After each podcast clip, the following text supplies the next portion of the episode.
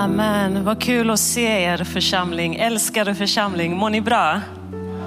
Är det bra med er? Njuter ni av sommaren? Så kul att vara här verkligen. Vad kul att se dig Linda. Vad härligt. Tack Jesus.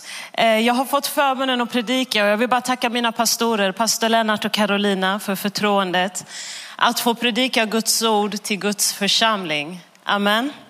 Jag har upplevt i mitt hjärta att jag ska tala om förnyelse. Och min predikan har jag döpt till Jesus, min förnyelse. Och jag vill läsa ett bibelord för er. Det är ganska många verser, men det är från Lukas evangeliet 7, vers 36 till 50 innan vi ber. Och det står så här i Lukas 7, 36 till 50. En av fariseerna bjöd hem Jesus på en måltid och han gick hem till farisén och la sig till bords. Nu fanns i staden en kvinna som var en synderska. När hon fick veta att hon låg till bords i farisens, när hon fick veta att han låg till bords i farisens hus kom hon dit med en alabasterflaska med balsam och ställde sig bakom honom vid hans fötter och grät. Hon började väta hans fötter med sina tårar och torkade dem sedan med sitt hår och hon kysste hans fötter och smorde dem med balsam. Farisén som hade bjudit in honom såg det och sa för sig själv, hade han där varit en profet så hade han vetat vad det är för en kvinna som rör vid honom, att hon är en synderska. Då sa Jesus till honom, Simon, jag har något att säga dig. Han svarade, mästare, säg det. Två personer stod i skuld till en penningutlånare. Den ene var skyldig 500 denarer och den andra 50. När de inte kunde betala efterskänkte han skulden för dem båda. Vem av dem kommer nu att älska honom mest? Simon svarade, den som fick mest efterskänkt antar jag. Jesus sa, du har rätt. Sedan vände han sig mot kvinnan och sa till Simon, ser du den här kvinnan? När jag kom in i ditt hus gav du mig inget vatten för mina fötter, men hon har vett mina fötter med sina tårar och torkat dem med sitt hår. Du gav mig ingen hälsningskyss, men sedan jag kom in har hon inte slutat kyssa mina fötter. Du smorde inte mitt huvud med olja, men hon har smort mina fötter med balsam. Därför säger jag dig, hon har fått förlåtelse för sina många synder. Det är därför hon visar så stor kärlek. Men den som fått lite förlåtet älskar lite. Sedan sa han till henne, dina synder är förlåtna. Då började de andra bordsgästerna fråga sig, vem är han som till och med förlåter synder? Men Jesus sa till kvinnan, din tro har frälst dig. Gå i frid. Herre, jag tackar dig för förtroendet att få tala ditt ord denna förmiddag, Gud. Heligande, jag tackar dig för att du är här och att du är den som uppenbarar ordet för var och en av oss. Tack att du känner varje hjärta. Tack att du vill betjäna oss på ett personligt sätt den här dagen. Vi älskar dig och vi behöver dig. I Jesu namn. Amen. De här två personerna som mötte Jesus, de var verkligen sådana kontraster till varandra. Båda hade mött Gud, men hade två helt olika respons på gudsmötet. Kvinnan, hon hette Maria och hon kallades synderskan och med det menades det att hon var prostituerad. Alla visste att hon var en synderska. Och den här farisén som hade bjudit hem Jesus, han var en skriftlärd. Han, han, han var en skriftlärd man som var aktiv i templet. Han var kunnig i Guds ord och var, var aktiv i Guds hus. Men när den här synderskan, när Maria dök upp på den här middagsbjudningen, som hon inte ens var bjuden till, så hade hon kommit för att hon hade hört att Jesus var där. Och om vi tittar lite på hennes respons, hur hennes respons på hennes gudsmöte var. Hon dök upp på en middagsbjudning som hon inte var bjuden på. För himmelriket tillhör ju de som rycker det till sig med våld. Amen. Och hon dök inte bara upp, utan hon tog med sig sin dyra nardusolja. Jag tror varje kvinna här vet vad det innebär att offra sin dyra parfymflaska som dessutom kostar en årslön. Tänk dig en parfymflaska som kostar några hundratusen kronor. Den tar hon med sig.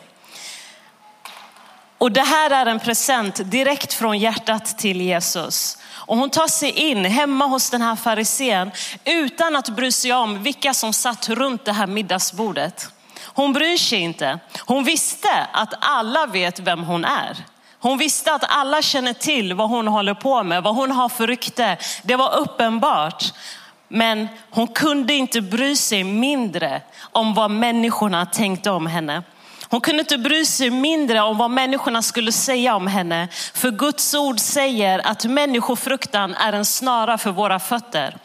Och den här kvinnan hon hade inte tid att snubbla nu, för hon hade siktat in sig på att fånga Jesus. Att gripa Jesus på samma sätt som han hade gripit hennes hjärta. Och när hon kommer in i hans närhet så brister det för henne. Det bubblar över. Hennes tårar rinner av tacksamhet och kärleken till Jesus flödar direkt från hennes hjärta. Medan den här farisens kärleksgest till Jesus, det var en stel middag.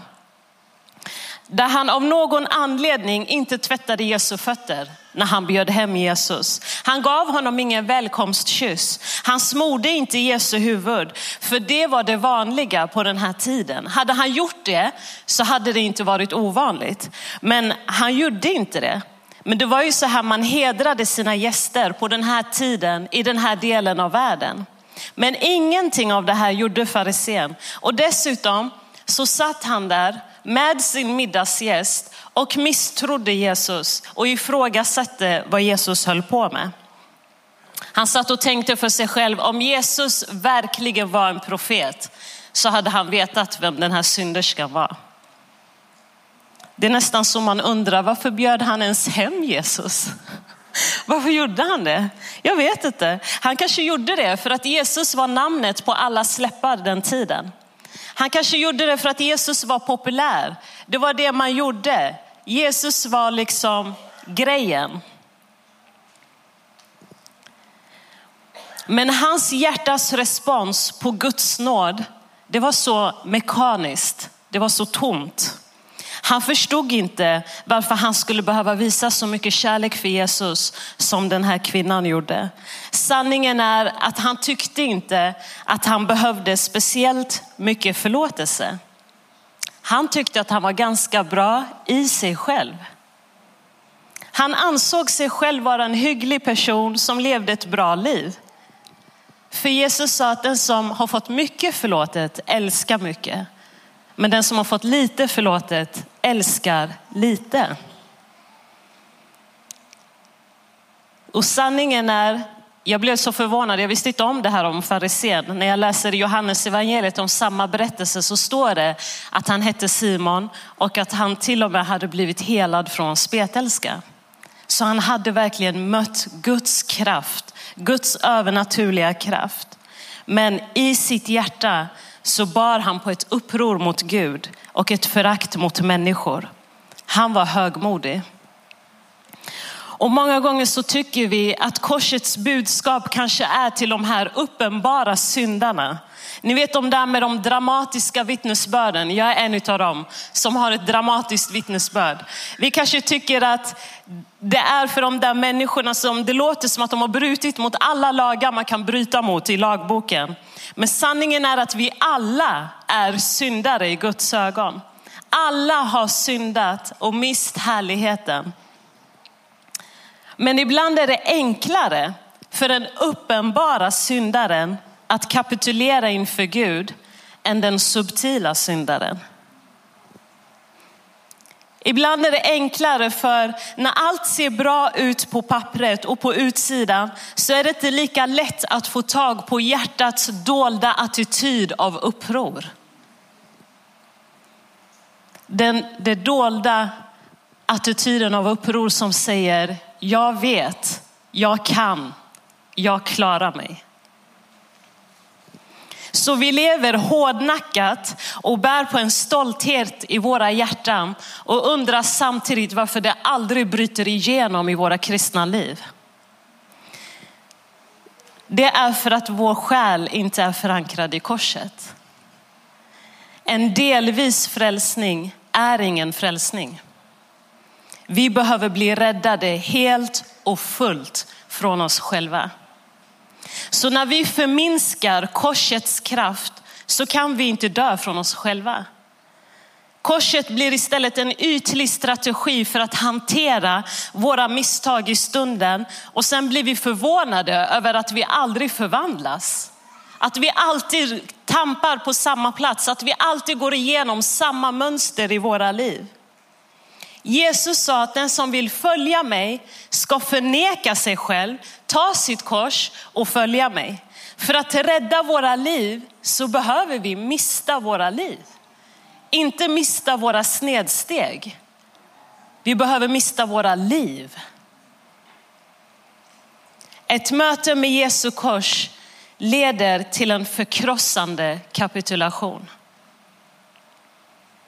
Ett äkta möte med Jesus, det ger oss en uppenbarelse om att allt det som jag tidigare ansåg vara av värde, mina prestationer, min utbildning, mina tankemönster, mina egna förmågor och färdigheter, mitt levnadssätt, mina värderingar, mina relationer, alla associationer till vem jag är, allt det som tidigare har format och definierat min identitet, mitt etniska ursprung, mina tidigare tillflykter, både det som är dåligt och det som är bra. Allt som har varit så viktigt för mig fram till stunden då jag mötte korset har tappat sitt värde.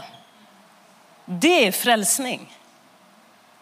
Jag är ingenting i mig själv och jag har ingenting att berömma mig av i mig själv. Allt och det enda jag behöver det är att förbli i Jesus så att han kan förbli i mig.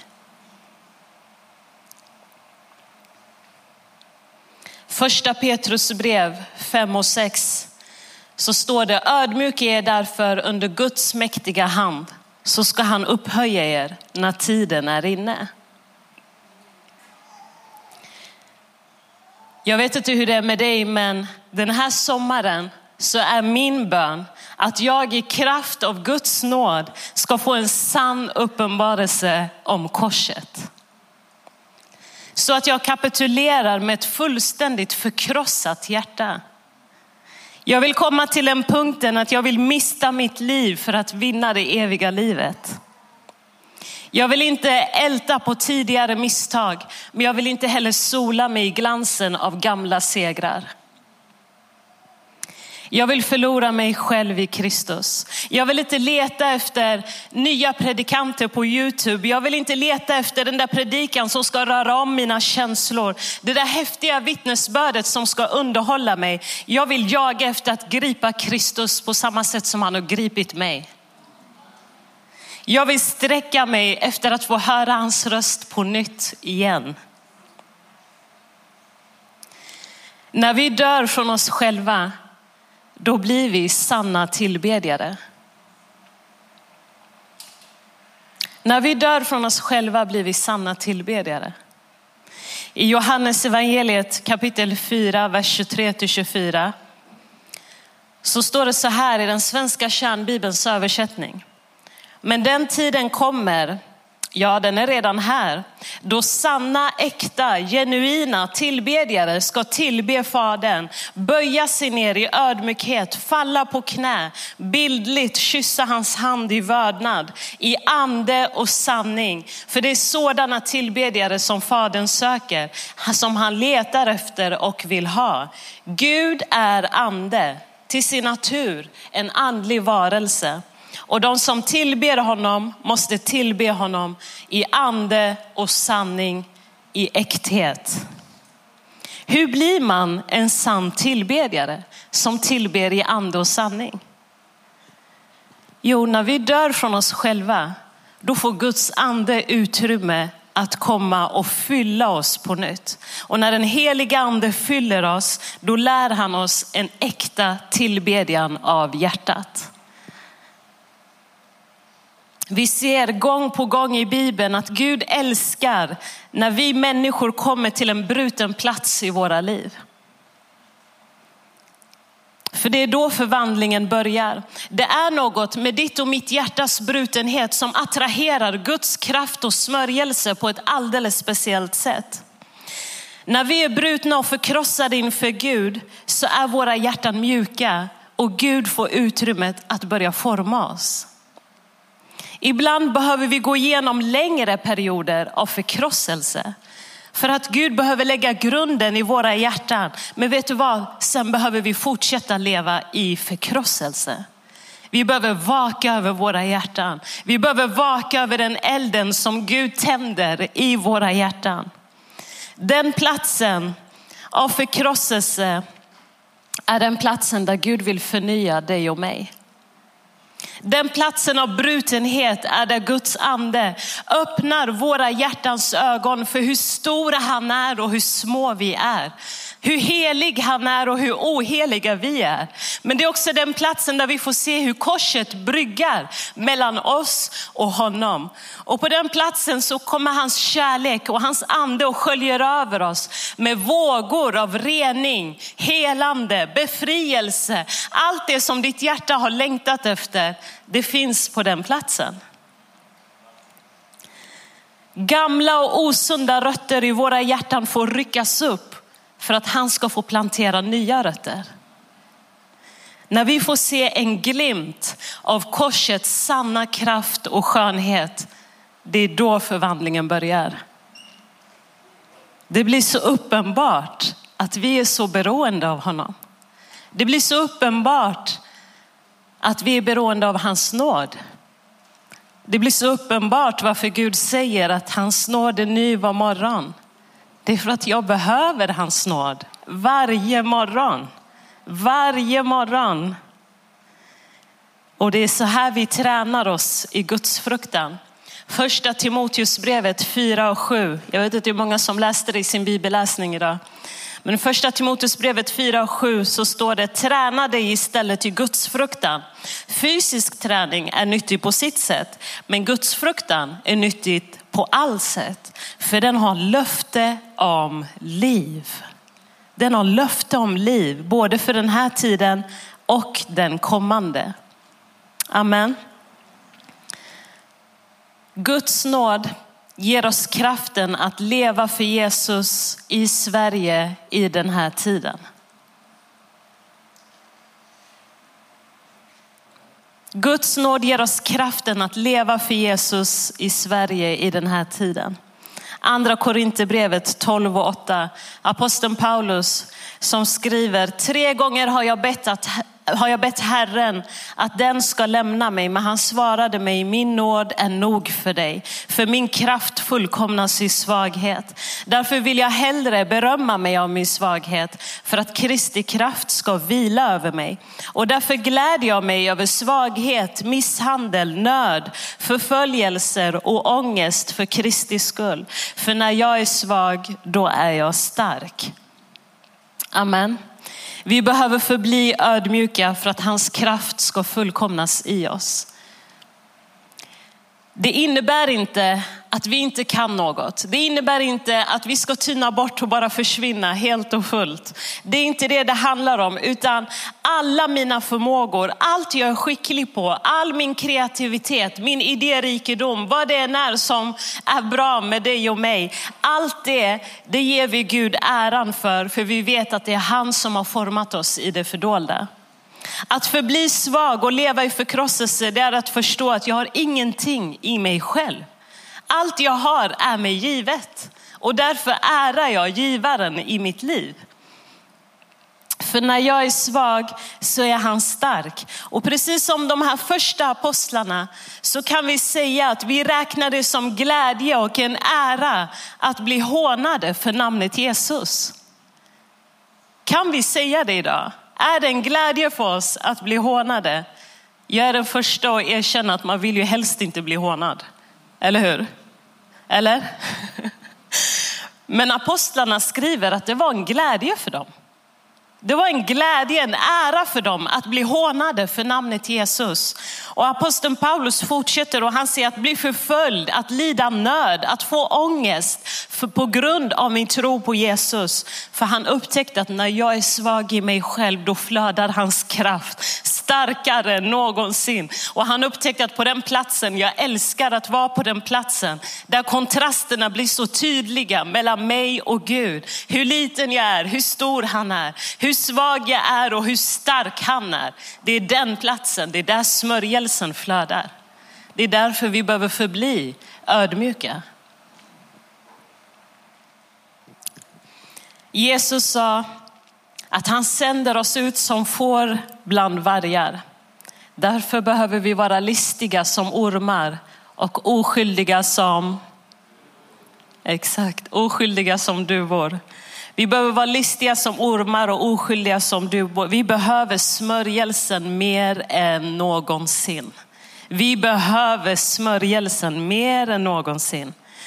Oh, heligande, han är den enda som kan hjälpa oss, som leder oss i en övernaturlig vishet med en profetisk skärpa, en urskiljning i anden där vi förstår vad som pågår i vår samtid, i vårt land och samtidigt förstår vår del i det hela. Som Jesus troende, som församlings, är vi, vilka tillhör kyrkan här? Vem är, vem är församlingen här? Det är du och jag. Det är inte byggnaden. Det är inte pastor Lennart och Carolina. Det är de och vi. Vi är församlingen och så länge vi älskar Jesus och är en del av hans kyrka så behöver vi smörjelsen att skina i den här tiden. Vi behöver smörjelsen att vara visa i den här tiden, att ha urskiljning i den här tiden. Nu än någonsin är det ännu viktigare att plantera våra rötter djupt i Guds ord. Att vara nära våra pastorer och våra wow-ledare. Att låta den heliga ande vattna våra rötter. Ju djupare vi är planterade, desto stadigare kommer vi stå när stormarna kommer. Vi behöver vår förnyelse. Vi behöver tillåta den heliga ande att förnya oss. Maria, synderskan som hon blev kallad för, hon hade blivit befriad från sju onda andar. Farisén som bjöd Jesus på middag, han hade blivit helad från spetälska. Maria böjde sitt hjärta medan farisén var hård i sitt hjärta. Låt oss inte söka andliga kickar den här sommaren, utan låt oss söka ett bestående tillstånd. Låt oss söka ett bestående tillstånd inför Gud. Maria hon fick åter nåd när Jesus sa till henne, dina synder är förlåtna, gå i frid. Din tro har frälst dig. Hennes ödmjukhet gjorde henne mottaglig för Guds nåd. Och vidare vet vi om Maria och hennes två syskon att de blev nära vänner med Jesus. Jesus såg dem som sina närmsta vänner. Han kom hem till dem i omgångar och han umgicks intimt med de här syskonen. Maria hon kapitulerade vid Jesu fötter.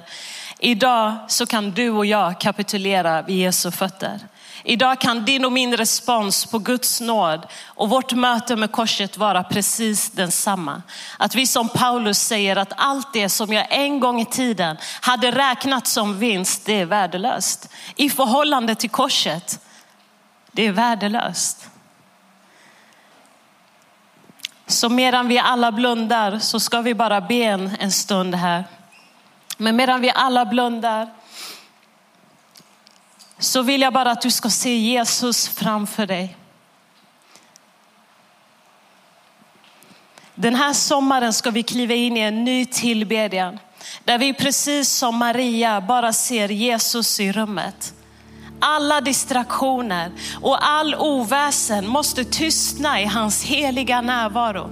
Och på den platsen där vi får ett möte med fullheten i korsets kraft så böjer vi våra hjärtan i en fullständig kapitulation och den heliga ande får fylla oss med sig själv. Herren sitter på tronen och han säger se, jag gör allting nytt. Hör Herrens ord. Han vill göra allting nytt. I Jesus så finner vi den förnyelsen som våra hjärtan längtar efter.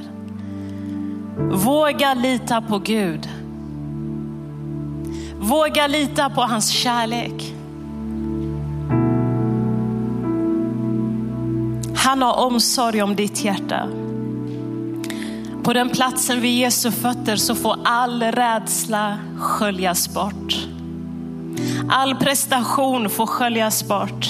Släpp taget om det som ligger bakåt. Släpp kontrollen till Jesus.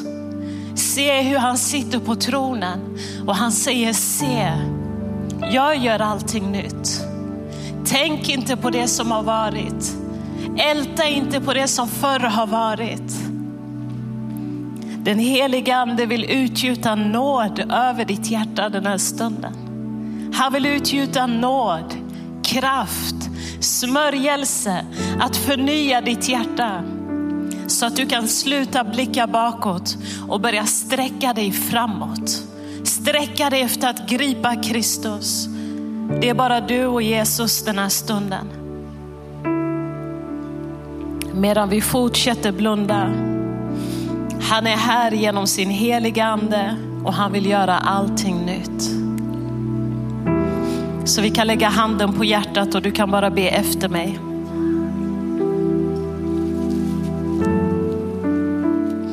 Jesus, jag ber om nåden att få en sann uppenbarelse om fullheten i korset.